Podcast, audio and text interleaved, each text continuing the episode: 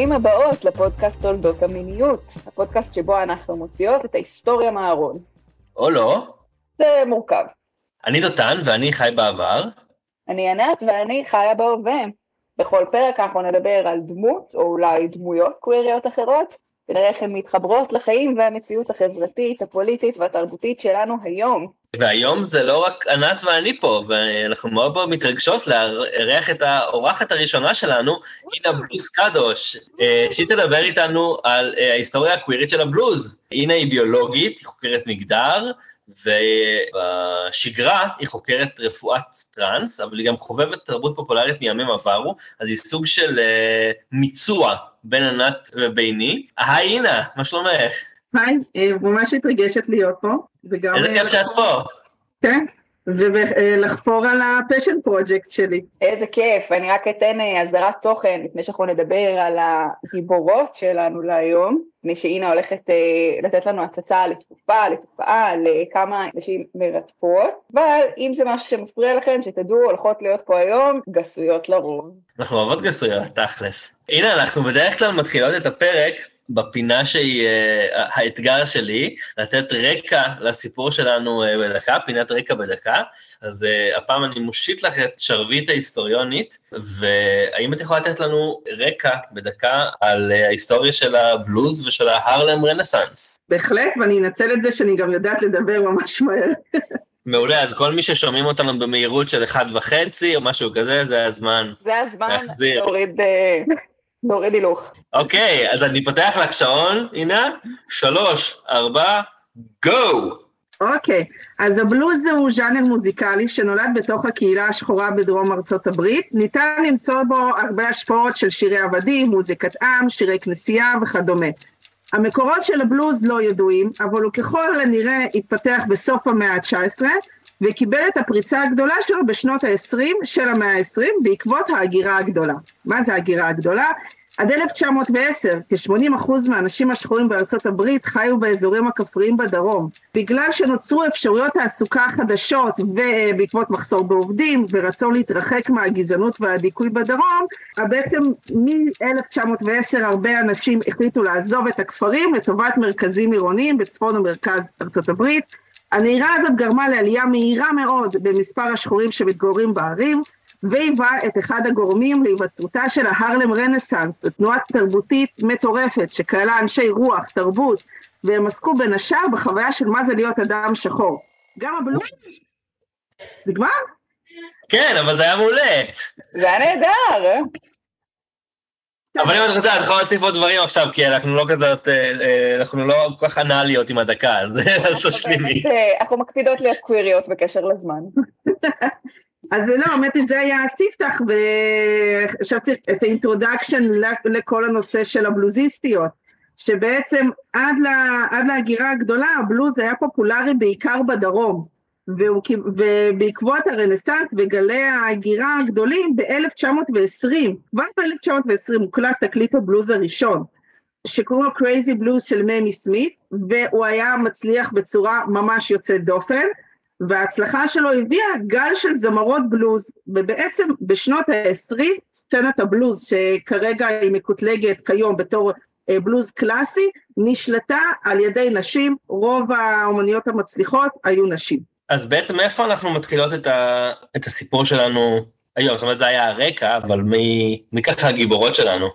אז זהו, אז קודם כל, הגיבורה, אה, מי שנחשבת לאימא של הבלוז, זאת מה רייני, ודרכה אפשר באמת לספר את, את הסיפור ואת הייחוד של הבלוז הקלאסי. אז בעצם מה רייני נולדה בג'ורג'יה ב-1886 אה, בשם גרטרוד פריג'ט, גם ההורים שלה היו בעסקי השעשועים, והיא עצמה התחילה להופיע כבר כמתבגרת. אז הדבר המעניין, שמה רייני והרבה מהאנשים שנדבר עליהם, הם uh, התחילו במופעי וודוויל, שמופעי וודוויל זה היה מופעים נודדים שקר... שכללו כל מיני קטעים, קצת שירה, קצת ריקוד, סטנדאפ, juggling, חיות, דברים כאלה, וזה היה כאילו משהו נורא נורא, נורא מפואר, נורא, נורא כזה רבגוני, נורא גדול. גם ההיסטוריה של הדראג קשורה מאוד להיסטוריה של הוודוויל, וודוויל זה דבר נורא מעניין. יש בו משהו שהוא קצת uh, מתחבר לעניין הזה של... Uh... של קרקס נודד, נכון? שבא להראות כל מיני סוגים של מוזרויות. יש שם גם עניינים גזעניים קצת ב... עם ההיסטוריה של הוודוויל, אה, כולל מופעים, אה, מופעי blackface ודברים נכון. כאלה. אז נכון, אז, אז כאילו אה, לוודוויל קצת קדם ה minstrel show, שזה היה פשוט גברים לבנים ב blackface שמשחקים גברים ונשים שחורות, אבל באמת מכזה אמצע סוף המאה ה-19, גם ככה היו, היו באמת מופעים של רק שחורים שהסתובבו בעיקר בדרום וככה ניגנו לקהל שלהם. אני אגיד שנייה שגם חלק ממה שמעניין בהיסטוריה של התקופה הזו שגם באמת גם אמנים שחורים היו מופיעים לפעמים בבלק פייס, זה דבר שמעניין קצת אה, לחשוב עליו. כלומר צריך לשים את התחפושת של האתניות, זה לא, זה לא האתניות עצמה, אבל גם באמת מעניין להגיד שזה גם ערש מאוד משמעותי של אה, מה שהוא היום עמוד תווך של תרבות אמריקאית, שזה הומור יהודי, הקומיקאים היהודים הגדולים פתחו גם כן מעולם הוודוויל, וגם המון מהתרבות שאנחנו מכירים בתור התרבות הקלאסית הישראלית, בין אם זה הלהקות הצבאיות, ובין אם זה כוורת וכל הדברים האלה, מה שהם ככה נכסי צאן ברזל של ישראל הראשונה, מה שנקרא, הם בנויים באמת על פורמטים של וודוויל, של שיר, קטע קישור, מערכון, זה ממש גבעתרון והלאה, אה, אפשר ממש לראות את הקווים האלה לכאילו ארה"ב של המאה ה-19. באמת מעניין. בגיל 18, מה רייני התחתנה עם אומן שקראו לה פא רייני, ואז היא שינתה את השם שלה מגטר פריג'ט למה רייני, ולמרות שהם אה, התגרשו אחרי איזה 15-20 שנה, היא נשארה עם שם הבמה. אז בעצם היא סיפרה שב-1903 היא שמעה בפעם הראשונה בלוז, שאישה שרה בלוז, והיא כל כך כל כך אהבה את זה, וזה היה כל כך מיוחד שהיא החלה לשלב אותו בהופעות שלה. אז פה זה קודם כל זה הדבר הראשון המעניין, והתרומה, אחת התרומות הגדולות שלה לבלוז הקלאסי, כי עד עכשיו הבלוז בדרום זה היה משהו מאוד uh, מינימלי, זה היה זמר אולי uh, בודד או עם כמה נגנים על גיטרה, על בנג'ו, מפוחית, כאילו משהו נורא מינימליסטי.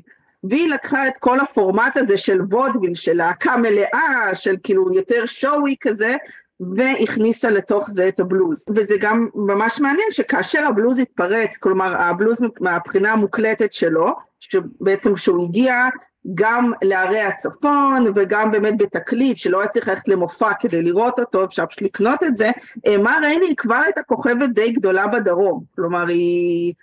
כל נושא של הקריירת ההקלטות שלה והקריירת הבלוז, זה בעצם, זה היה אחרי שהיא כבר ביססה את עצמה בוודוויל.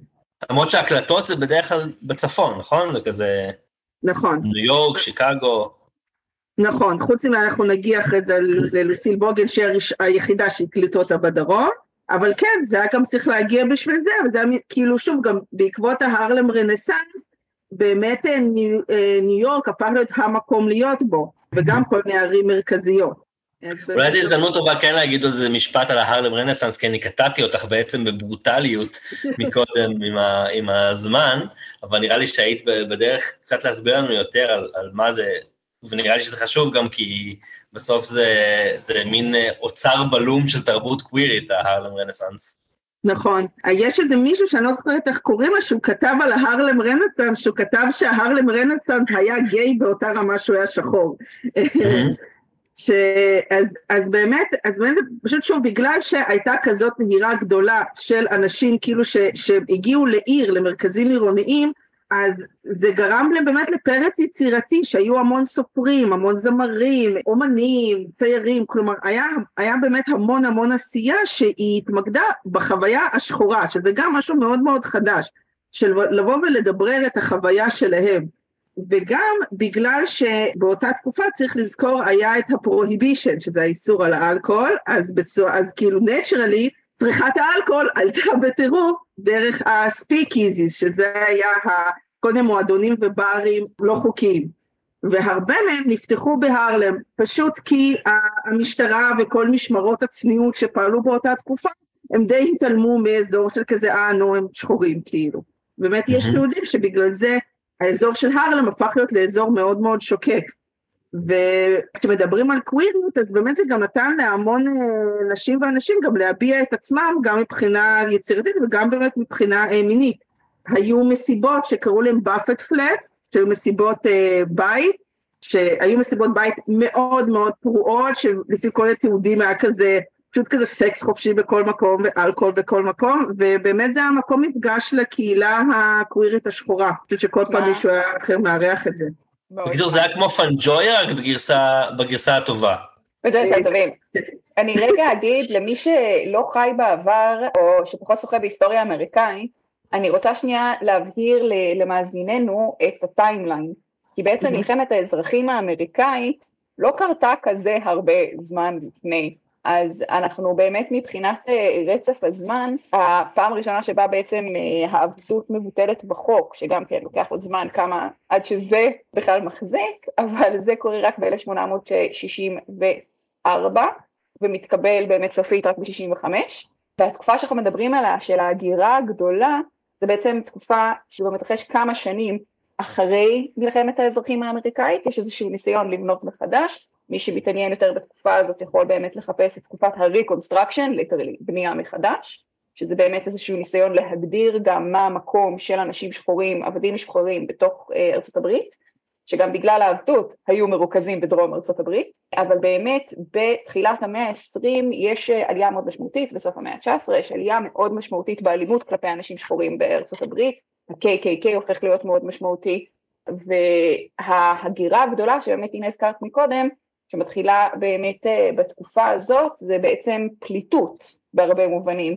גם ממצב של אה, באמת לברוח מלינצ'ינגס ולברוח מהחוקים הגזעניים של באמת מה שנקרא, שהוקם אחרי העבדות, שזה חוקי ג'ים קרו של הפרדה הגילית, וגם באמת ממצב של אה, מחסור כלכלי מאוד קשה. אז אני רציתי שנייה להכניס את הדבר הזה לפרופורציה, כי באמת שאין את השנים האלה בראש של כמה מעט זמן עבר כלומר, מה ריילי נהיית איזושהי דיבה גדולה של הדרום, באמת מעט מאוד זמן אחרי ביטול העבדות. זאת אומרת, הדור של ההורים שלה ידע את העבדות. אה, וזה משהו שצריך שנייה להכניס לפרספקטיבה, כי זה באמת מדהים. וגם באמת איזה משמעותי זה גם המהלך של הלידה מחדש, של מה שנקרא השחור החדש, בזמן ההרלם רנסאנס. אז תודה רבה ש, שהזכרת את זה, כי באמת יש לי גם uh, עוד כמה דברים קטנים להגיד בקשר לזה, שאולי באמת uh, חשובים ל, לרקע. קודם כל, אז הבלוז עצמו, חלק מהייחוד שלו, בגלל שזה משהו שמתפתח בקרב האוכלוסייה השחורה בדרום, אז הוא באמת, זה, זה שירים שהם פשוט, הם מדברים על החוויה הזאת של להיות עני, של להיות, ש, שהכל קשה, ושאין עבודה, ושאין בית, ושנדודים, של uh, שברון לב, כלומר זה ממש, זה מוזיקה ככה מאוד מאוד אמיתית. הרבה משירי הבלוז הם עברו, הם עברו כאילו בדורות, כלומר הם לא הכל היה כתוב, ודרך אגב יש ספר ממש מעניין משנת 1926 של חוקר לבן שהוא תיעד כל מיני מוזיקה פולק מיוזיק ובלוז מיוזיק של שחורים, והוא פשוט, הוא הוריד הרבה הרבה שירים, והוא כתב כי פשוט יש המון שירים בעלי תכנים אה, גסים, ואין, כאילו אי אפשר להכניס את זה לספר. אז זה גם דרך מעניין איזה דברים הם נאבדו. והדבר השני שחשוב להגיד זה באמת שהתנועה הזאת שהזכרת, של. שקוראים לה New Negro Movement, היא דרך אגב, היא יצאה נגד הבלוז. כי הבלוז הוא שר על התנהגויות יומיומיות, כמו אה, מין, כמו אלכוהול, כמו חגיגות, והם הרגישו שזה כאילו מעודד סטריאוטיפים של, שליליים על אנשים שחורים במקום לעבוד כאילו לטובת איזה, שלא כולם ככה, אז באמת היו הרבה הרבה חיכוכים, גם בין מוזיקת הבלוז לתנועה הזאת, וגם בין האנשים שהגיעו מהדרום, השחורים שהיו בצפון, שהיו כאילו במעמד יותר גבוה, שהם גם החשיבו אותם בתור אנשים נורא כזה פשוטים שלא מבינים מהחיים שלהם. זאת אומרת, כמו עם כל אה, תנועת מיעוט אחרת, אם זה יהודים, להט"בים וכולי, יש מתח בין האנשים שהם אה, רוצים להיטמע בחברה הכללית, ואומרים, כן, אנחנו בעצם כמו כולם, פשוט אה, אנחנו, לא יודע, שוכבים עם בני מיננו, או שצבע העור שלנו שחור, אבל בעצם אנחנו אותו דבר בדיוק, ובין אנשים שאומרים, לא, יש בנו משהו שהוא ייחודי, שונה, מיוחד, ואנחנו רוצים לחגוג אותו. כן, ולחגוג אותם, ואת המוזיקה שהם הביאו מהדרום באותה תקופה. גם קראתי ביקורות על, על מופעי הבלוז של הבלוזיסטיות בשנות ה-20, ומבקרי המוזיקה השחורים, שאתה באמת קוטלים את זה, כזה כאילו, מה זה? זה לא מוזיקה, מה זה הדבר הנורא הזה, זה דוחה. גם בקרב מי שבאמת מדברים על, אה, קצת יותר קרובים את הקוטב הזה של ה... נגיד ה-New Negro, ששוב, אנחנו מדברים פה על תקופה אה, אחרת, שבה למילים איתה משמעות אחרת, אז גם מילים שאולי היום לא היינו משתמשים בהם, ולשם הדיוק ההיסטורי אולי כן נכון להשתמש בהם כאן. אה, אז גם שם אפשר למצוא דמויות להט"ביות, שכאילו הן היו מאוד משפיעות על יצירה קווירית, כמו המשורר לימסטון היוז, ובאמת פארקר, יש כל מיני אה, דמויות מעניינות שמסתובבות גם במעגל הזה, אז זה מעניין לראות איך הפילוגים האלה מתקיימים באמת בהצטלבות עם הפוליטיקות אה, גזע אתניות. בהחלט. לנגסטון יוז דרך אגב היה מאוד אה, חבב בלוז מתיעודים שלו, כן, אבל זה ממש מעניין. בסדר, אז, אז אחד באמת, ונחזור למה רייני, אחד גם מהדברים החשובים שהיא עשתה זה לא רק באמת ככה להביא את מוזיקת הבלוז לשיאים חדשים, היא גם, אה, היה לה חלק בלגלות את בסי סמית, שהיא מכונה הכהנת של הבלוז והיא הגיעה להצלחה עוד יותר גדולה אה, משל מה רייני. בסי סמית היא נולדה קצת אחרי מה רייני ב-1894, גם בדרום. אה, עד גיל עשר היא בעצם התייתמה משני ההורים שלה. וכדי לשרוד היא הופיעה בפינת רחוב עם אחד מהאחים שלה, והיא מאוד ככה, היא מאוד מאוד אה, רצתה גם אה, להצטרף לכל תנועת הוודוויל הזאת, וב-1912 היא הצטרפה למופע, אחד מהמופעים האלה כרקדנית, ושם היא פגשה את מר רייני, שלקחה עליה חסות ועזרה לה להתחיל את הקריירה שלה בעצם. ושתיהן החלו להקליט מ-1923. אוקיי, okay, אבל מה, מה הן מקליטות? איזה מין שירים? אז זהו, זה גם מעניין. אז באמת הם הקליטו שירים שעוסקים במה זה להיות אישה שחורה ממעמד הפועלים באותה תקופה בצורה לא מתנצלת. הם שרו על שברון לב, על בגידות, על, על עוני, על חיי הלילה, על שחרור מיני, ובאמת, אה, באמת נגיד, בעוד שמה רייני זה אולי הרבה, הרבה מזה, אבל לא הכל זה בלוז קלאסי, בסי סמית היא מאוד זועמת בשירים שלה. אני מצאתי לפחות ארבעה שירים שבהם היא מתארת כיצד היא הורגת או מתכננת להרוג את בן הזוג שלה כי הוא בגד.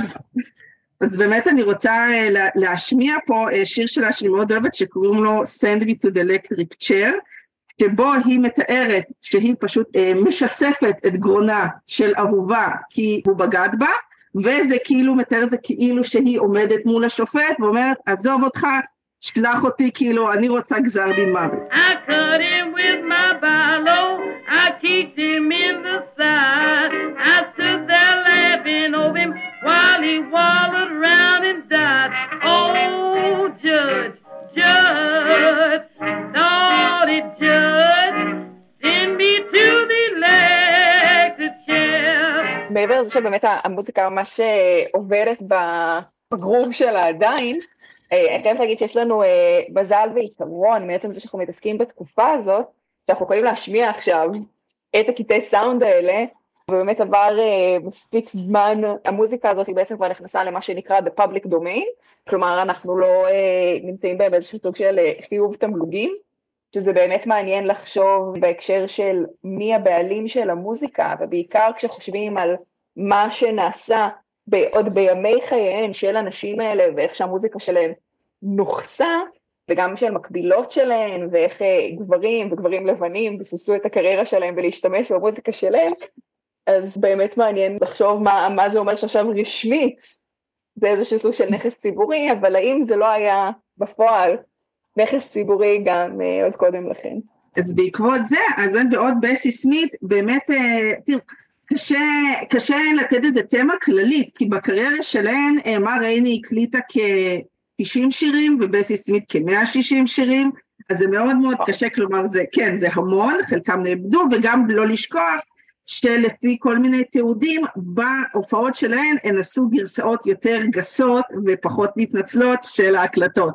אז אם זה מה שאנחנו אה, שומעות, בואו נחשוב על מה אנחנו לא שומעות. הנה, אנחנו יודעים משהו לגבי מה היו התגובות לשירים האלה, בהופעות, בתקליטים. באמת אחד, מה, אחד מהדברים המבאסים, שכמו שההיסטוריה אה, נכתבת על ידי המנצחים, פשוט לא תיעדו אותן מספיק. אז קשה לדעת, אבל, אבל מההצלחה שלהם, נגיד שבסי סמית, היא קנתה בשיא הצלחתה רכבת למסעות הופעות שלה. וואו. כן, כן, ומה רייני בתקופה יותר קודמת, שזה, תחשבו על שנות, נשים שחורות בשנות ה-20, היא קנתה טורבאס עם, עם השם שלה עליו, אה, זה משרת שהם כן זכו להצלחה, הם בהחלט זכו להצלחה.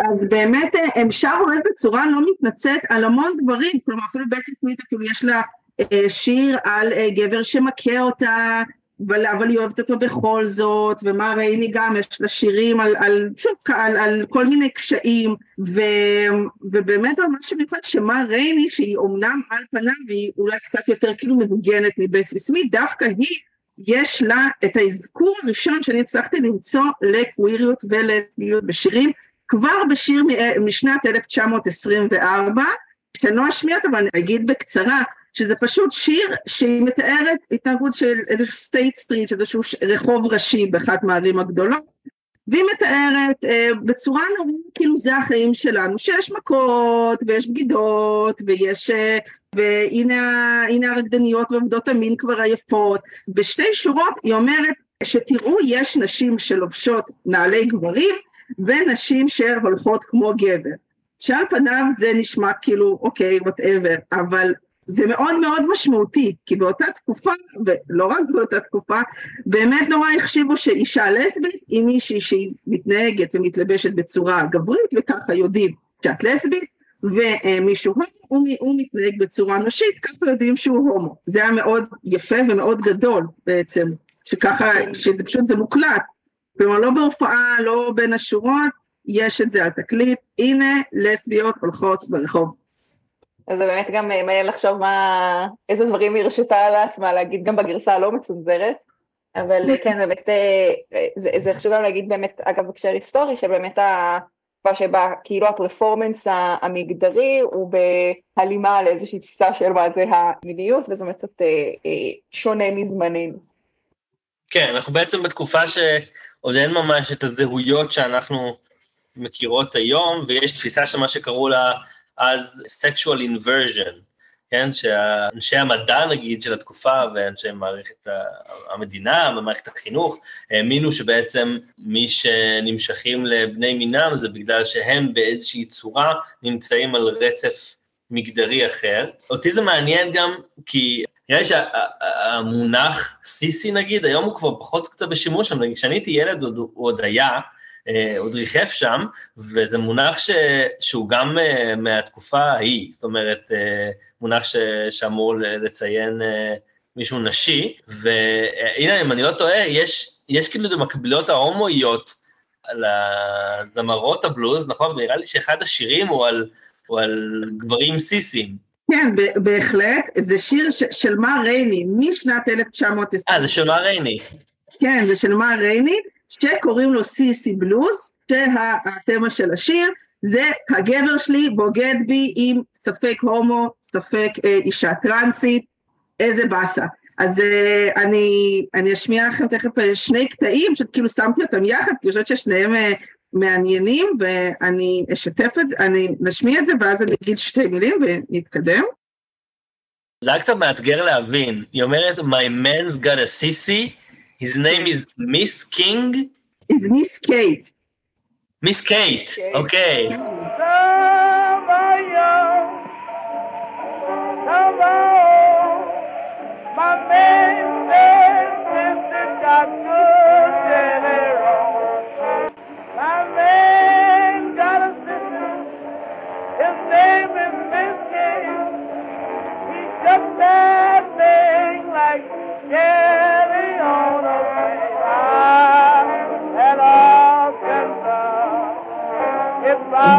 אז כן, לצערי השיר הזה, הוא לא הצלחתי למצוא איכות uh, טובה, אבל קודם כל, uh, אז, אז בחלק הראשון היא אומרת some are young, some are old, my man says sissies got good jelly roll. אז קודם כל, ברוב השירים לא השתמשו במונח עצמו, אלא בכל מיני דימויים שלרוב היו לקוחים מעולמות האוכל, אז נגיד אה, סקס זה היה לטחון בשר, לאפות עוגה, וג'לי רול, שזה זה סוג, זה סוג של מין אה, עוגת ספוג כזאת, זה היה פשוט כינוי לאיברי מין. אז... רולדה. כן, אז, אז תבינו מה, מה היא אומרת. העוגה המעורכת באה לסמן איברי מין. זכריים. כן, בהחלט. אז זה, זה נורא בוטה כשאתן חושבות על זה, שכאילו, השיר עצמו, ואז באמת, אז אומרת ש- My man's got a sissy, his name is Miss Kate, he shook the thing like jelly on a plate. וואו, זה ממש, אה, האמת שזה כבר ממש שורות, כאילו אני יכולה לדמיין את קרדי בי שרה את זה, זה ממש כליס ומילקשייק משנות האלפיים, זה גם קטע, אני חושבת שגם זה, זה ממש בולט נניח בשיח היום על רפ נשי, שגם הרבה פעמים הדימויים, שכאילו, סבבה, כאילו כשחלק חלק מהן כבר לא תומכות בדימויים, לפעמים הדימויים מרגישים הרבה יותר גסים מהמילה המפורשת, כי זה באמת, ה, בין אם זה המקום של להפעיל את הדמיון, ובין אם זה הקריצה, שגם באמת גם השילוב של ההומור לפעמים הופך את זה לעוד יותר אה, מערער לתפיסות של כאילו נשיות מהוגנת, וזה באמת אה, מאוד מגניב הסגנון הזה, וגם לראות איך הוא ממש משפיע על הצורה שבה מוזיקאיות נשים שחורות עדיין פועלות, וכאילו אוצר המילים שלהם, המשחקים שהן עושות עם השפה גם היום. יש אה, שיר של, רגע אם מישהי אחר כך תרצה ללכת לשמוע, שיר של בסי סמית שקוראים לו קיצ'ן מן, שכל השיר זה פשוט דימויים כאילו מיניים ואוכל, כאילו צנוניות, כזה סנדוויצים. והיא גורמת להכל להישמע נורא נורא מיני. פעם הבאה שאתם מסתכלים על הצנוניות אצל אה, רמי לוי, כן, כן, כזה, how he can open flame, זה כאילו... הצדפה, לפעמים משתמשים בזה גם בתור אימוג'ים היום, כן? כדי כן. לסמן... אה, חברתה של החציל. חציל, אה, בדיוק. החציל והאפרסק, אני גם... לא, ויש גם חתלתול שאמור להיות פולסי. החתלתול, נכון. מעניין אגב, איך אנחנו הפכנו את זה לתרבות ויזואלית. מעניין גם לחשוב, כאילו את מדברת על העניין של הקדמה, אני חושבת על המוזיקה שהיה סביבה הרבה מאוד מחלוקת, והייתה כזאת, אני חושבת מאוד שערורייתית, כשאני הייתי, היה כזה המוזיקה של שנות ה-90, תחילת שנות ה-2000, הדימויים שקריסטינה אגילרה ובריטני ספירס היו משתמשות בהם, וכולם היו כזה, אוי, זה כזה גס. שהיה לה את, אה, לקריסטינה היה את ה-Genie in the bottle, you gotta rub me the right way. זה כאילו, אם בסי סמית היית שומעת את זה, הייתה כזה מין, אוקיי, מאמי, לא כזה טרפת, בואי, כאילו... אבל זה באמת קטע, איך באמת ההסתכלות שלנו על ההיסטוריה, במיוחד אגב בתקופה שהייתה מאופיינת בכזה דיכוי פוליטי קשה של נשים, של נשים שחורות במיוחד, זה גם באמת, זה רק הופך זה לעוד יותר חסרני, אבל גם בהשוואה לכאילו דברים מאוד עכשוויים. למרות שאולי דווקא הדיכוי הפוליטי במידה מסוימת זה מה שמאפשר את זה. כלומר, הסיטואציה הזאת, ש, שגם הנה הזכירה קודם, שיש מעט פיקוח, כן, שבכל מקרה, שבכל מקרה המשחק של המהוגנות הוא משחק שאין טעם לשחק, כי בכל מקרה יסמנו אותך בתור שולית, אז, אז זה מאפשר לך גם, גם פשוט אה, לא לשחק במשחק הזה. אני קוראת את זה גם בתור איזה מין בעיטה מוסכמות, כי ה- באותה תקופה, כאילו להיות אה, מהוגנת, זה היה באמת לקחת על עצמך אה, אידיאלים ויקטוריאניים. של להיות ככה אישה קטנה, ושבעצם הדרך היחידה להתקדם בחיים זה באמצעות נישואים. ואני חושבת שנשים אה, שחורות, במיוחד מעמד הפועלים, וגם כשהם הגיעו לצפון, זה לא בדיוק שחיכו להם שם בזרועות פתוחות, הן מאוד מוגבלות באיפה לגור ובאיפה לעבוד, אני חושבת שהם גם ידעו שמוביליות חברתית לא תחכה להם אם הם אה, ישחקו אותה אישה הקטנה והצנועה, והם פשוט קידמו את עצמם בדרכים שהן ידעו.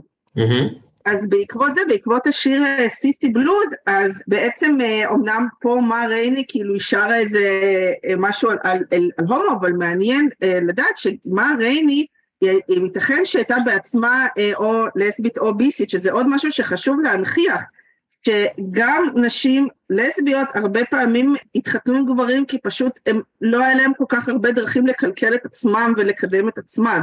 כלומר, זה, Mhm. זה היה מאוד מאוד סטנדרט, אז מאוד קשה לדעת עבור אנשים שאנחנו מדברות עליהן, אם התחתנו עם גברים כי הם היו ביסיות, או פשוט כי זה היה אה, הכרח המציאות. למרות שהזכרת שהיו שם גם גירושים, נכון? נכון, נכון, התגרשה מפער רייני, לא ידוע למה. זה היה גם, אה, לא זוכרת אחרי כמה, כמה שנים, אבל לדעתי שנת 25-26 היא כבר הייתה גרושה. ובאמת אחד הסיפורים על מר רייני זה שהמשטרה עצרה אותה בשנת 1925, אחרי שהתפרצו לבית שלה ותפסו אותה במסיבת אה, נשים סלאש אה, אורגיה לסבית. לא ברור, אה, זה, הקו הדק, הקו הדק בין שני זה הדברים היה האלה. איזשהו סוג של מסיבת פיג'מות, נניח את זה שם. מספיק כדי שיעצרו אותה, ולפי השמועות, בסי סמית היא זאת ששחררה אותה בערבות, וגם יש השמועות קשות שהיה רומן בין השתיים. אז במקום לטאטא את uh, הסיפור הזה מתחת uh, לשטיח, ב-1928 היא הוציאה שיר שקוראים לו Prove It On Me, שיכול להיחשב כסמי אוטוביוגרפית, כי השיר מדבר על מישהי שהיא היא, היא אומרת, אני לא, אני אוהבת נשים, אני מתלבשת בצורה גברית, לכו תוכיחו שעשיתי את זה.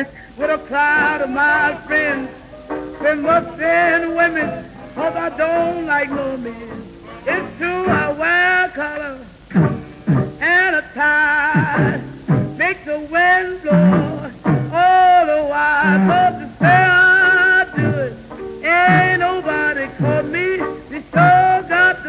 וניתן לטעון אה, נו, בסדר, מי ישמע, לא ברור למה היא מתכוונת. הפרסום של השיר הראה ציור של מר רייני, לבושה בצורה גברית בחליפה בטוקסידו, מדברת עם נשים, כאשר שוטר מסתכל עליה מהצד. כלומר, מאוד מאוד ברור היא מדברת פה על עצמה, וזה מדהים בעיניי, זה מאוד מאוד אמיץ. זה עניין שיווקי שהיא בעצמה מקדמת אותו, או שיש פה בעצם איזושהי תעשייה שמנסה ככה אה, לנצל את, ה, את השערורייה הזאת כדי אה, לעשות כסף?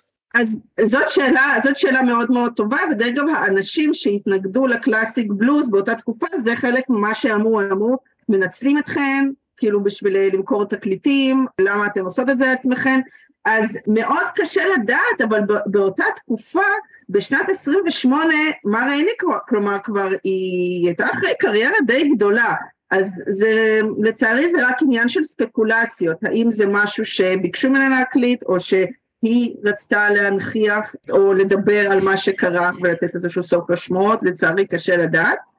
יש אבל דינמיקה כזאת עם כוכבות פופ שצריכות כל כמה שנים אה, להמציא את עצמן מחדש באיזושהי צורה, עם אה, אולי דרך שערורייה חדשה. סתם, אני חושב נגיד על מדונה, נגיד, היא, היא אולי האלופה של העניין הזה, של כל כמה שנים מלהמציא את עצמן בצורה חדשה, למצוא, אם זאת אה, שערורייה או נושא, או, או איזושהי דרך אחרת תחזור ל... לשיח הציבורי, ויכול להיות שגם מר ריני באיזושהי צורה הייתה צריכה לעשות את זה. יכול מאוד להיות, דרך אגב, אה, עד סוף שנת 28, 28 בעצם הייתה השנה האחרונה שבה מר רייני הקליטה, היא סיימה להקליט אחרי זה, זו באמת שאלה, האם זה היה איזה מין ניסיון לחזור, אה, אולי כבר התחילה פחות להיות בתודעה, אבל שוב, לצערי אין תיעודים, אין הרבה תיעודים קונקרטיים עליה, כלומר, מחקר על החיים שלה הוא מלא בהמון המון חורים, וזה ממש ממש מבאס, היא הייתה לה קריירה מדהימה. שזה גם חלק ממה שהוא תמיד מאתגר באמת, בין אם זה במחקר היסטורי על כאילו אנשים מקהילות מוחלשות, אנשים שבאמת גם הממסד וגם ליטרלי הבירוקרטיה, קשתה לגעת בהם. ואז כשיש איזשהו מסמך אז אנחנו מוצאים אותו מהמשטרה, וכאילו אפשר לשים כוכבית מאוד גדולה על עד כמה אנחנו מקבלים את זה as is. אבל גם זה מעניין לחשוב שבאמת התקופה הזאת של גם שנות ה-20, גם באמת אה, תקופות מאוחרות יותר, אני חושבת באמת על הזמרות שמגיעות כאילו מיד אחר כך, בין אם זה בילי הולידיי, עוד אישה ביסית, בין אם זה באמת הזמרות בלוז הגדולות של כזה הדור שאחרי, שהן כאילו גדלות ושומעות את המוזיקה של מה רייני ובסי סמית בתור ילדות כמו נינה סימון, שוב, עוד פעם נדבר על נשים ביסיות, אז גם כן הן נמצאות באיזשהו סוג של, לא רק שהן עצמן כיחידות נמצאות באיזשהו סוג של חיכוך עם הממסד, אז גם הן לוקחות חלק בתנועות וקולקטיבים שנמצאים בחיכוך עם הממסד. ויש גם משהו שהוא, בין אם זה העיסוק ה... באמת להביא את ה... להפוך את הפוליטי לאישי, קצת לפני שקראו לזה ככה, שבאמת מאוד מנסות חזק, ממש חזק בשירים שלהן, בין אם זה באמת נשים כמו בילי הולידיי וכמו נינה סימון, שאחר כך מתגייסות ממש לתנועה לזכויות האזרח. אז מעניין מאוד לראות את, ה, את הזרעים של המהפכה שנשתלים כל הזמן בסיפורים של הנשים האלה, למרות שהם מטאטאים אותן לשוליים הרבה פעמים של ההיסטוריה. נכון, ודרך אגב, נגיד, אה, בעוד שמה רייני, מה רייני היא הקליטה נגיד פרוביטון מי, אבל לא הרבה ידוע על המיניות שלה, נגיד בסי סמית, זה היה סוד גלוי מאוד מאוד גדול. כלומר, אה, למרות שגם בסי סמית היא התחתנה, הייתה במערכת יחסים מאוד uh, קשה. היא, היא באופן כללי, היא בעצמה הייתה אישה ככה מאוד פרועה, היא נהגה לשתות הרבה, לחגור, הרבה פעמים הייתה אה, אלימה כלפי סביבתה, היא ובעלה הם אה, ממש כאילו יש תיעודים שהם היו מרביצים אחד לשני.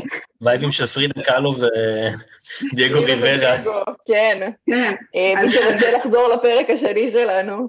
נכון, נכון, יש נגיד, אז באמת על בצי סמית יש הרבה יותר תיעוד, כי מתברר שהייתה אחיינית, שהייתה רקדנית במופע הנודד שלה, והיא פשוט התראיינה והיא סיפרה מלא מלא סיפורים מטורפים עליה, כמו שלדוגמה, שפעם אחת שהיא גילתה שגם בעלה בוגד, שבעלה בוגד בה עם מישהי, זרקה את האישה הזאת מהרכבת, ורצה בה, כן.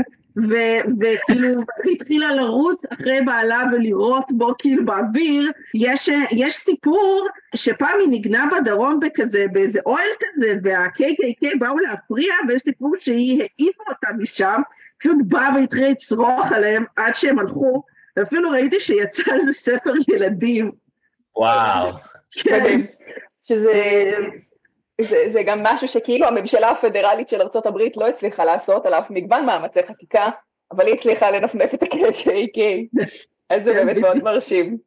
אז זה היה פשוט סוד גלוי שהיא מנהלת אה, עם רקדניות וזמרות ליווי במהלך מסעות ההופעות שלה, הייתה איזה רקדנית שקוראים לה ליליאן, שהייתה לה מערכת יחסים יחסית ארוכה, לא, גם לא ברור אם הבן זוג שלו ידע מזה או לא, אבל באמת אחד מה, מהציטוטים ככה הגדולים שלה, שהאחיינית שלה מספרת, שבמהלך ריב פומבי עם אותה בת זוג, היא צעקה עליה שיש לי 12 נשים במופע, ואני יכולה לקבל שנה כל ערב אם אני רוצה.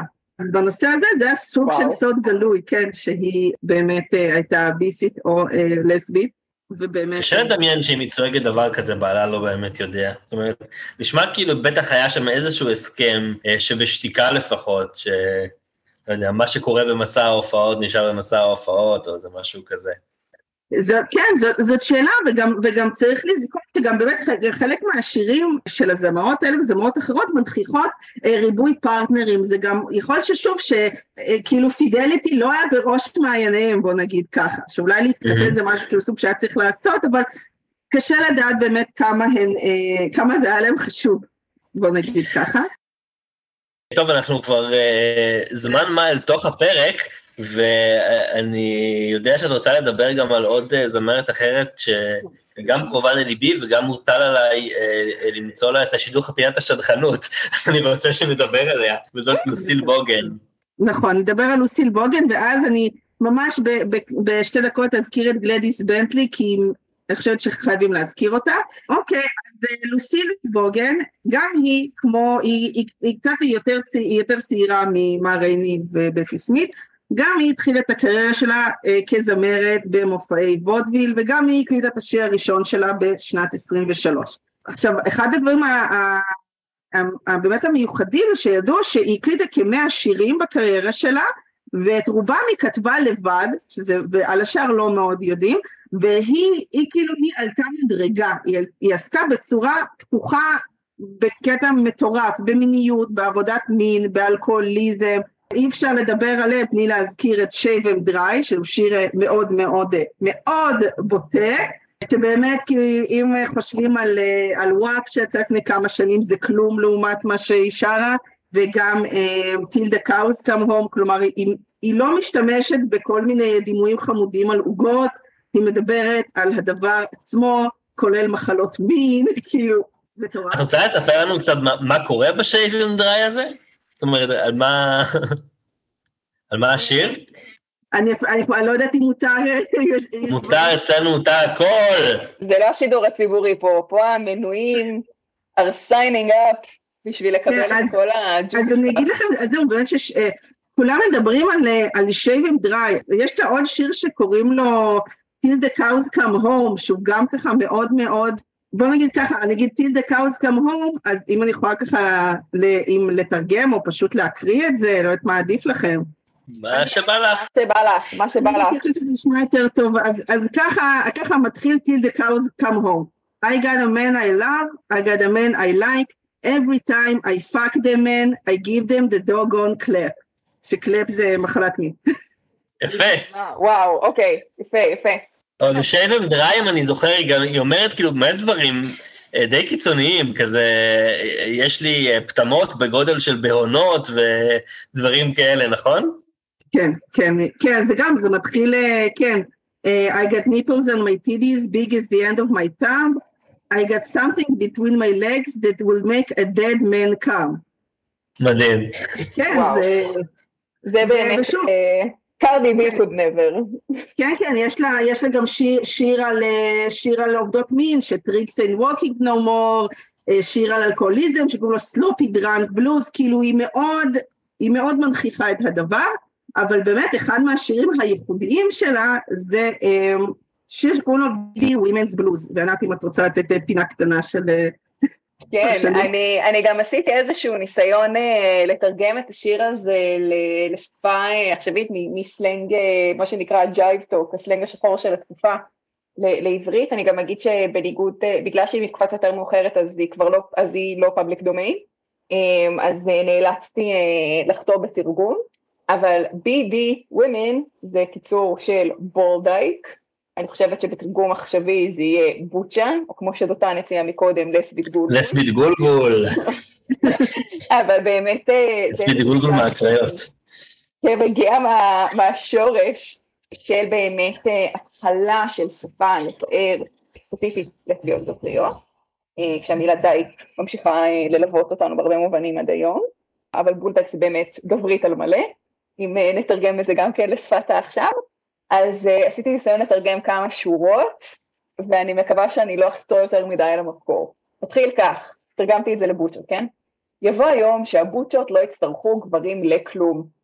בוטשות בוטשות, איך שהם מתנהגים אלינו זה חטא מגעיל. בוטשות בוטשות, בחיים לא תבינו איך זה עובד אצלנו.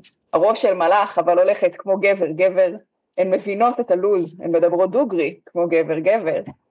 אתם יודעים שהן קשוחות, הן מורידות את כל הוויסקי ואז מפרקות את הרחובות, הן עובדות ועושות ערימות של כסף, הן יודעות גם לבזבז, הן יודעות גם על מי. מדהים. מדהים, אני חושב שזה חייב, אה, חייב להיות אה, מוקלט למצעד הגאווה הקרוב. אה, איך, איך קוראים לה? זמרת לסבית מזרחית, גם כזה לסבית גולגול קשוחה, שעשתה שיר לסבי מזרחי שהיא לא שרית חדד? יואו, ברח לי השם שלה עכשיו. זה עכשיו בפרייד לפני כזה שנתיים, נכון? כן, אולי כן, שנתיים, אולי קצת יותר. יש לי עכשיו רגע בלנק. נזי שקורי. או-אה. אני דווקא חשבתי על, אה, זה באמת יותר כזה שנותינו כ... כילדים, אתם זוכרים את שורטי? כן, נכון. היא הייתה ממש דמות, וגם לשורטי היה קטע שהיה לה כזה מין סצנות, כאילו, מאז אני חושבת שהיא גם כזה, רק כזה, אני לא אסבית יותר, היה שם איזה עניין. אבל היה שם סיפור עם זה שכאילו הלכה מכות עם מישהי שהתחילה עם בת זוג שלה באיזה אירוע עיתונות, היה שם כל מיני עניינים, זה מאוד החזיר אותי לתקופת הביזאר הזו. אני חשבתי על השיר של, של נזי שקורי, שהפזמון שלו זה אני אוהבת רק בנות, מה לעשות, הן הכי יפות, הכי שוות, אז תנו לי כבר רק לחיות וליהנות, אוהבת רק בנות, בגרסה המזרחית. אני חושב ש, שצריך לתת לה להקליט אה, גרסה מודרנית של אה, בוצ'ות בוצ'ות. על פילוסים בוגן. או prove it on me. אולי יכולה לעשות אלבום שלם. נכון. אז נזים, את שומעת אותנו. כן. אמן. ובאמת אני יודעת שבאמת פה דיברנו המון, אבל חשוב לי מאוד להזכיר את גלדיס בנטלי, שגלדיס בנטלי היא רק נולדה ב-1907, אבל היא ממש, היא לקחה את כל המורשת הנבנית הזאת של, של בסי ומה רייני והיא שכללה את זה לרמות אה, מטורפות, שהיא בעצם, היא לא התחילה מהוודוויל וזרמה לבלוז, היא עברה לניו יורק כדי להיות חלק מההרלם רנסאנס, גלדיס בנטלי, ובאמת היא, היא, היא, היא, היא התלבשה, כלומר היא הייתה לסבית מוצהרת, היא התלבשה בבגדי גברים, כלומר בחליפות ככה טוקסידו יפות עם כובע והכל, היא הייתה מתחילה עם נשים בהופעות שלה, בכיף, אפילו פעם אחת אה, היא סיפרה לאיזושהי עיתונאית רכילות שהיא התחתנה בטקס אה, ב civil ceremony עם אישה לבנה. גם, וואו, אה, גם אישה וגם לבנה. וואי, וואי, זה נגד כל כך הרבה חוקים שהיו אז. כן. Um, היא הופיעה במקום שקוראים לו ה Clam House, שהיה מקום מפגש להט"בי ידוע בסצנת המועדונים של הרלם, היא הקליטה קצת, אבל זה שירים יחסית מעודנים. הדיבור עליה היה שהשירים שלה היו גסים בצורה יוצאת דופן, ושבתקופה מסוימת אה, היא הופיעה עם אה, שמונה זמרי ליווי בדרג.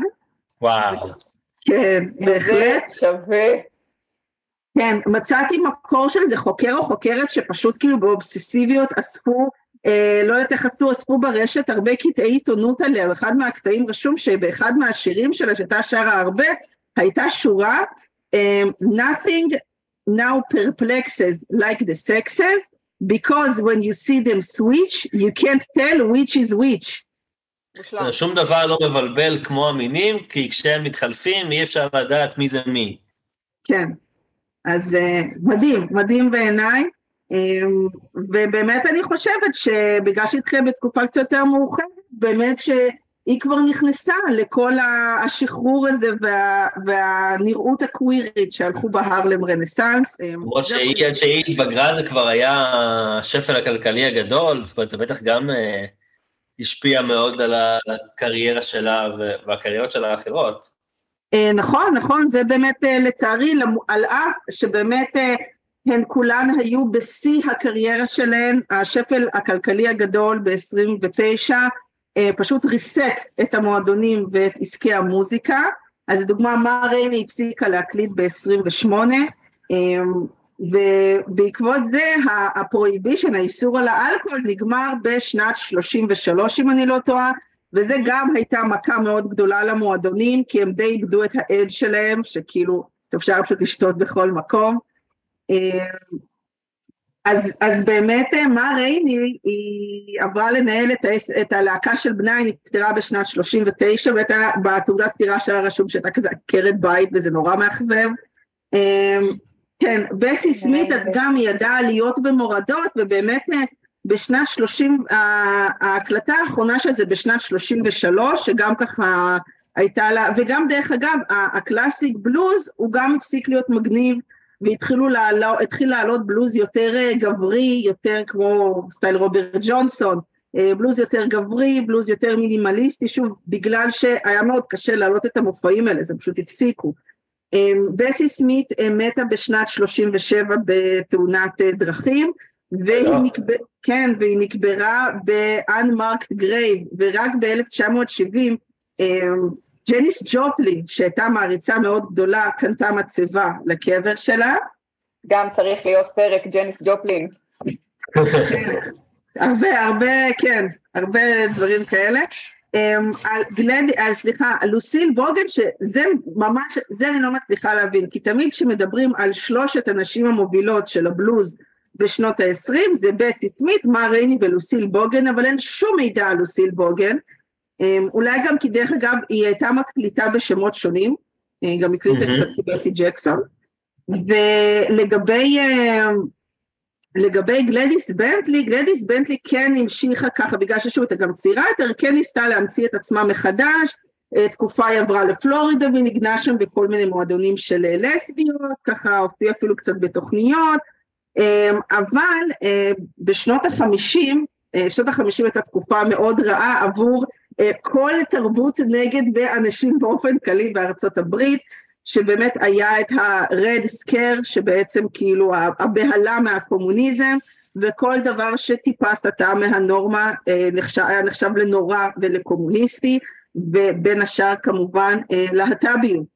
וגלדיס בנטלי היא התראיינה בשנות החמישים לאיזשהו עיתון, והיא טענה שהיא, שבעצם כאילו, היא, היא היא, איך אני אסביר את זה? היא אמרה שהיא נרפאה, שבעצם כל מה שהיה לפני זה הייתה איזה מין מחלה, וזה הסטייה, ואיך היה לה קשה לא לחיות כדרכו של האל, ובעצם היא אה, קיבלה אה, זריקות אה, אסטרוגן, וזה הפך אותה לאישה שוב, והיא לא הופיעה בשמלה, והיא טענה שהיא התחתנה, למרות שבן אדם שהתחתנה איתו אמר שלא היו דברים מעולם. זאת אומרת, עשו לה טיפולי המרה, לפחות זה מה שהיא מספרת. כן. כן, צריך להגיד, אולי שני דברים אה, בשולי הדברים שאמרת, אחד שלצד הבהלה האדומה מהקומוניזם, בעצם הייתה בהלה מקבילה, ה-Lavender Scare, הבהלה הוורודה, אה, וזה בעצם, אה, כן, השם של רדיפת הלהט"בים בתקופת מקארתי, זה באמת היה דבר מזעזע, עם פיטורים המוניים, מעקבים של שוטרים באתרי מפגש של הקהילה הגאה, מעקב אחרי דברי דואר של אנשים, פרסום תמונות שלהם בעיתונים, והכנסה שלהם לרשימות של עברייני מין, כל מיני דברים באמת אה, מחרידים. אה, ובמסגרת הדברים המחרידים, צריך להגיד, כאילו אמרנו את זה בצורה קצת קלילה, את העניין הזה של זריקות אסטרוגן וזה, אבל אה, טיפולי, טיפולי המרה זה עניין די רציני, זאת אומרת, אני לא יודע אם היא אמרה את זה סתם כדי להציג את עצמה אה, בתור אה, גרסה כשרה של עצמה בתקשורת, אבל אם באמת היא עברה דבר כזה, אז, אז, אז זה באמת דבר די מחריד. לא, ברור, זה, זה נורא, וגם באמת זה שהיא, אה, שהיא, שהיא הרגישה שהדרך היחידה שלה להמשיך לשרוד בעולם זה לצאת בפומבי ולהגיד, וגם שוב להגיד, אני, אני לא, אני הייתי במין שלישי ועכשיו אני אישה, ו, וכאילו, ולהתייחס לכל החיים הקודמים שלה בתור איזה טעות מחרידה, זה, זה דבר מאוד קשה, זה נוראי בעיניי. כן. שלא ישתמע, כן. אמ, אז, אז לצערי, למרות ש... אז לצערי להרבה ש... שנים, אמנם באמת בסי סמית ומה רייני, כן השם שלהם ככה פלוס מינוס נשמר בתודעה, אבל um, החשיבות של, שהתרומה שלהם לבלוז והתרומה שלהם באופן כללי לקוויריות, היא ממש התפוגגה. uh, כי גם בזמנם uh, הועברה להם הרבה ביקורת, וגם בתחיית הבלוז של שנות החמישים והשישים, דרך אגב, הרבה על ידי כזה היפים וביטניקים אה, לבנים, אה, הם פשוט אה, חוקרי מוזיקה וחובבי בלוז, הם פשוט התייחסו להם בתור, בתור כאילו בלוז שהוא כזה נורא גרוטסקי, נורא מסחרי, מין נובלטי סונג, זה בלי ערך תרבותי, בניגוד ל... לבלוז השורשי והאותנטי והמינימליסטי של זמרי בלוז גברים, ואני באמת חושבת ש... אמ, התרומה שלהם נדחקה, נדחקה עד לשנים האחרונות, שבעצם אה, התחיל המסע אחרי אה, היסטוריה קווירית ואחרי באמת דמויות להזדהות איתן בארצות הברית. אבל היום מעריכים מחדש כבר גם את המוזיקה שלהן, או שהן רק נשארו בגדר איזה מין אה, סטמל קווירי שפתאום מגלים אותו? זאת, זאת שאלה מאוד טובה, זאת שאלה מאוד טובה, האם האם באמת הם מקשיבים לשירים שלהם, או שעדיין זה בתור נגזרת צחוקים כזה, אתה יודע, היא אמרה כן. בול די. זאת שאלה טובה.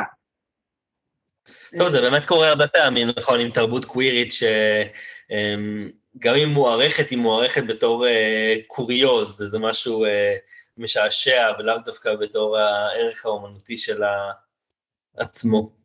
נכון, נכון, אה, אני, אני מאוד מקווה שזה כן נותן איזושהי נראות, אמ, ולו רק כדי להבין שהיו דברים מעולם, הייתה פה סצנה מטורפת לפני מאה שנה, אה, שכללה, אה, שכללה אה, חופש מיני, שכללה דיבור כאילו על כל מיני סוגים של, של הזדהויות וכל מיני סוגים של פרפורמנס, ואני מאוד מקווה שזה כן מתפרש גם בצורה הזאת ולא רק בצורה של, של צחוקים. אני חושבת שגם צריך להגיד שמי שבאמת אה, מאוד הניעו את הכן אה, חשיפה שלהן לממסד והממסד הבידורי זה דווקא באמת הרבה מאוד נשים שחורות וגם באמת כאילו אני פשוט הוצאתי כזה את ה inductions של אה, בסי סמית ל Hall of Fame, יש כאילו, זה ממסד כזה, הממסד המוזיקלי יש לו כמה Halls of Fame, היכלי התהילה של ז'אנרים שונים, אז שנייה כדי לסבר את האוזן, היא נכנסה ל Hall of Fame של הבלוז ב-1980, וזה מאוחר, זה גם היה אחרי קמפיין ספציפי של כאילו זמרות נשים, אה, על אף שבאמת מגוון זמרים גברים ציטטו אותה כהשפעה, היא נכנסה ל Hall of Fame של הרוק ב-89. אה, שוב, מדובר במישהי שאלוויס עשה לה קאברים וליטל ריצ'ארד, כלומר זה, זה בסיסים של, ה, של הז'אנר.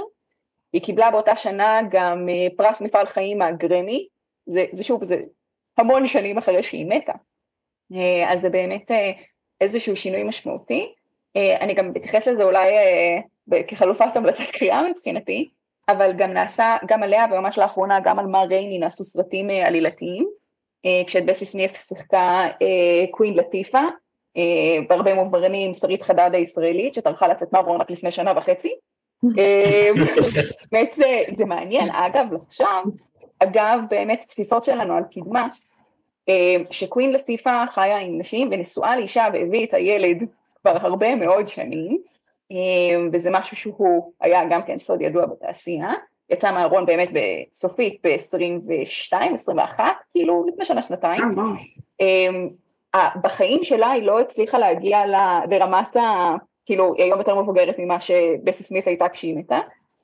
היא לא הגיעה אה, בימי חייה, כאילו, של בסי סמית לצורך העניין, לרמת הפתיחות, לא בטקסט, לא במה שהיה ידוע מסביב, לא במה שכאילו היא עסקה במשך המון שנים בתביעות דיבה על אנשים שניסו להוציא אותה מהארון, קווין לטיפה. לא שזה מוצדק באיזושהי צורה, אבל זה באמת מעניין לחשוב במובן של תפיסות של uh, קדמה, כאילו זאת מישהי שצמחה מסצנת ההיפ-הופ של שנות התשעים, שירים מעולים, ממליצה לחפש אותה מהתקופה שקראו לה קווין זולו לטיפה, um, אבל זה באמת מעניין כאילו לראות את הפער של באמת יש פה איזה דור שניים באמצע, והתעשייה שבתוכה הייתה נמצאת לא, לא אפשרה לה, כבלה את ידיה. כן, זה בדיוק בגלל שהיא הייתה יותר מיינסטרים, אני חושב, לא? זאת אומרת... המשפחה עם סטיב מרטין, ברור שזה קשור. אבל ברור שזה קשור גם למיינסטרים, זה גם מעניין לחשוב מה, מה המיינסטרים נותן למה הוא לוקח, אבל זה גם, גם יש בזה משהו שמלמד אותנו משהו על התקופה, זאת אומרת גם על איך אינטרס מסחרי הוא קובל ולא רק נורמות נניח שמגיעות ממקומות דתיים יותר, כמו שלפעמים אנחנו אוהבים לחשוב, ובטח כמו שהמוסכמה אומרת באקטיביזם הלהט"בי עד היום. אמ, שכאילו התאגידים יכולים להיות חברים שלנו הרבה יותר מאשר אה, מקומות אה, מסורתיים יותר נגיד. אמ, אבל גם באמת במובן של אמ, אה, העבודה שאתה צריך לעשות באמת בפוליטיקת המעוגנות הזאת, שדיברנו עליה כמה פעמים לאורך הפרק, של כאילו המיסים שאתה צריכה לשלם, וכדי שיתקחו אותה ברצינות כשחקנית, כזמרת, מדובר במישהי שכאילו הייתה מועמדת לאוסקרים, שגם ספציפית על הסרט פסי הייתה מועמדת, mm-hmm. אז זה המחירים והדברים שאתה צריכה להתעסק איתם אה, בשנות האלפיים, 2010, אה, הרבה מאוד שנים אחרי בסי סמית ומר רייני, אז אה, זה מעניין. נכון, וגם, וגם זה, זה, זה מעניין, כי דרך אגב, באמת בשנים האחרונות יש יציאה מהארון גם של כל מיני ראפרים, ואני חושבת ש, שבאמת אחד מהדברים שחשובים לזכור, שהבלוז, כמו ראפ, זה נחשב לדומיין גברי. כאילו mm-hmm. הזמרים, זה, הם זמרים גב, אה, גברים, אבל צריך לזכור שמי שהתחילו בכלל את כל זה והפכו את הבלוז למשהו היום, היה, היו נשים. וזה גם מראה גם איזה מין, אה, שיש פה גם איזשהו עניין אה, לא רק על קווירית, אלא גם משהו מגדרי פה. לגמרי. ברור. בלעדיהן לא היה לנו לא את ליליז נאז אקס ולא את פרנק אושן, ובאמת אה, נקודה חשובה. טוב, אה, נראה לי שאנחנו בשלות לפינה האהובה עלינו, שבה אנחנו ננסה למצוא שידוך הולם לזמרות השונות שהעלינו פה היום. הפעם עשינו את זה... כן. זהו, הפעם עשינו את זה קצת אחרת, כי כל אחד מאיתנו הוטל עליו או עליה אה, למצוא שידוך אה, לאחת מהזמרות האחרות. אז, אה, אז יאללה, בואו נעשה את זה, פינת השטחנות.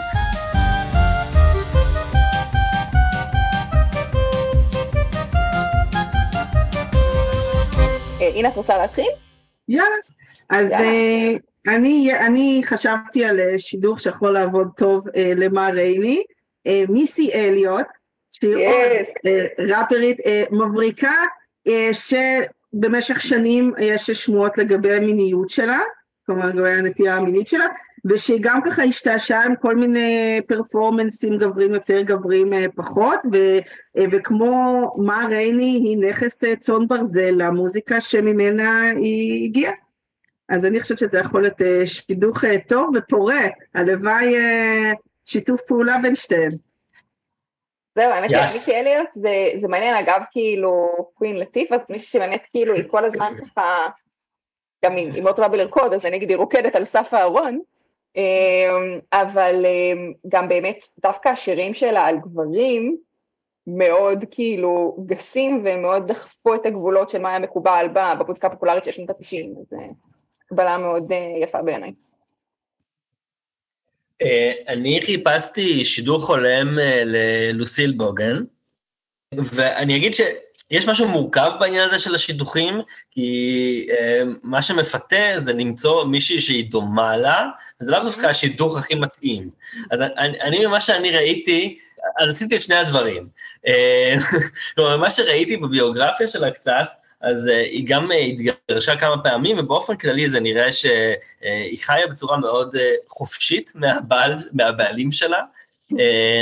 ואז חשבתי שבאמת צריך למצוא לה אולי איזה בעל מאוד נחנך כזה, ש, שהוא, שלא יפריע בדרך. ואז לא יכולתי שלא, שלא תעלה לי דמותו של... של אה, דן מרידור מהחרצופים. אתם זוכרים את, התופעה הזאת? אני יודע, אני, אני מעבר, אין מה לעשות. אבל יקום, אתה ראית, בדיוק היה לו האמת אה, ראיון שהוא דיבר על זה אצל אה, רוני קובן. יצא ממש... כן. אני לא יודעת מתי כן. הפרק הזה יצא לעומת מתי שאנחנו מדברים, אבל יצא ממש בתחילת מאי. אז הוא ממש מדבר על, ה, על הקושי שהיה לו עם החיקוי הזה. אז בקיצור, הדמות של דן מרידור בחרצופים, מי שזוכר את החרצופים, הייתה תוכנית סאטירה אני לא יודע אם טובה או לא, אבל זה מה שהיה לנו אז. והומופובית גם בדברים שהם עשו על, אה, על הצנחנים אה, ועזר ויצמן, זוכרים את זה? שיפתח עליי שיפתח? לא משנה, תחזרו, תחזרו לצפות בפרק הזה מתישהו, אה, מאזיננו, אבל הייתה שם דמות של דן מרידור, שכל הזמן אומר, מיצי, מיצי, מיצי, מיצי, וכן, הוא היה מין כזה נעבך.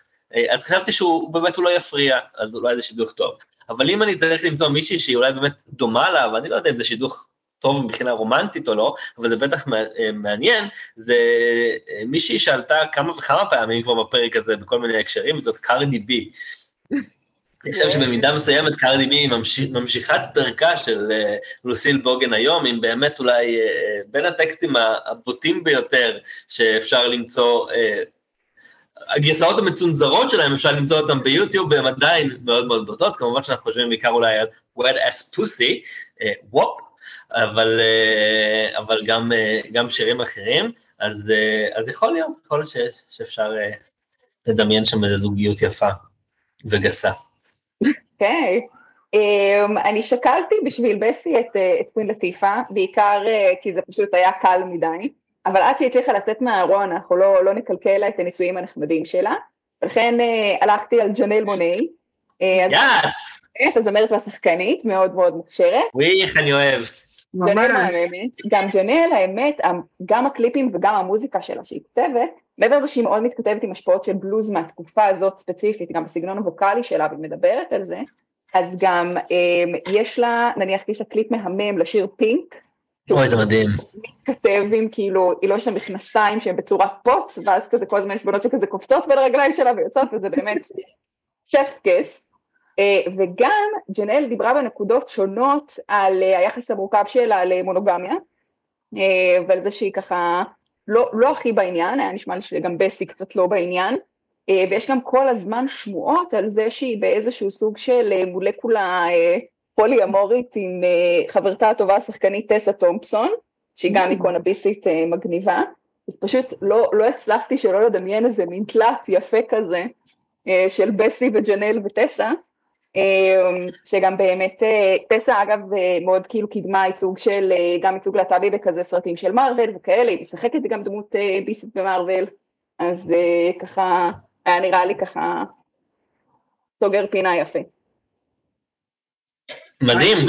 שידוך מעולה, שידוך מעולה. מתי תמשיכו?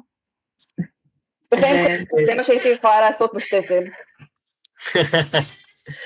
אה, טוב, הנה, בדרך כלל אחרי פינת השדכנות אנחנו עוברות לפינה הבאה, והיא פינת הקריאה הנוספת. אז אה, יש לך מה להמליץ לגבי מי שמתעניינות או מתעניינים או מתעניינים או מתעניינות עם בהיסטוריה הקווירית של הבלוז?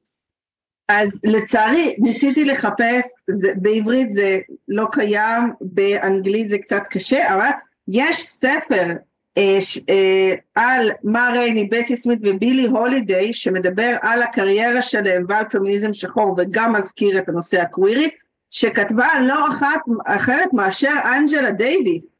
אה. כן, כן, שזה מגניב ממש, ואם יש איזה פינה... מה שמו? בלוז לגאסיס and black feminism.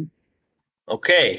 מושלם. אז אנג'לה כן. דייוויס, למי שלא לא מכירה, הייתה באמת אחת הדמויות, אה, ועדיין, אקטיביסטית סופר סופר חשובה בתנועה לזכויות האזרח, מאוד רדיקלית, מאוד מעניינת, וכותבת גם ומדברת בצורה מאוד חזקה, ואגב, באופן חריג להמלצות הקריאה שלנו, קריאה.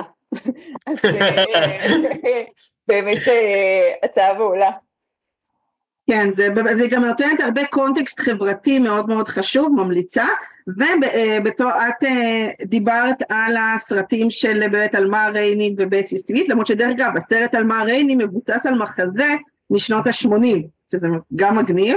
אמ, יש סרט אה, קצר של 15 דקות משנת 29 של בצי סמית, וכיכובה של בצי סמית, שקוראים לו סנט לואיס בלוז, שאפשר למצוא אותו לצפייה חופשית ביוטיוב, ואני מאוד ממליצה, כמובן שגם שי... אנחנו אנחנו נשים בפרטי הפרק, כן. כן, וכמובן שגם שי ממליצה למישהי, אמ, וזה פשוט כאילו הזדמנות מאוד מאוד נדירה לראות את בסי סמית עם פילם, ממליצה מאוד. איזה שווה. אמ, אני גם אגיד, אני ציינתי את השם של הסרט על בסי סמית, שנקרא בסי, מאוד מקל על למצוא. אה, הסרט על אה, מה רייני יצא ממש לאחרונה בהפקה של נטפליקס, מבוסס על המחזה באותו שם, אה, מה רייני's Black Bottom, בתרגום המושלם, התחת השחור של מה רייני, אבל כמובן שהם תרגמו את זה לבלוז של מה רייני, איזה לוזרים. ושם באמת זה סרט שקיבל הרבה מאוד באז של פרסים, בעיקר כי זה היה הסרט האחרון של השחקן שמשחק שם איתה צ'דוויק בוזמן, שאולי מוכר לחלקכם בתור מי ששיחק את הפנתר השחור.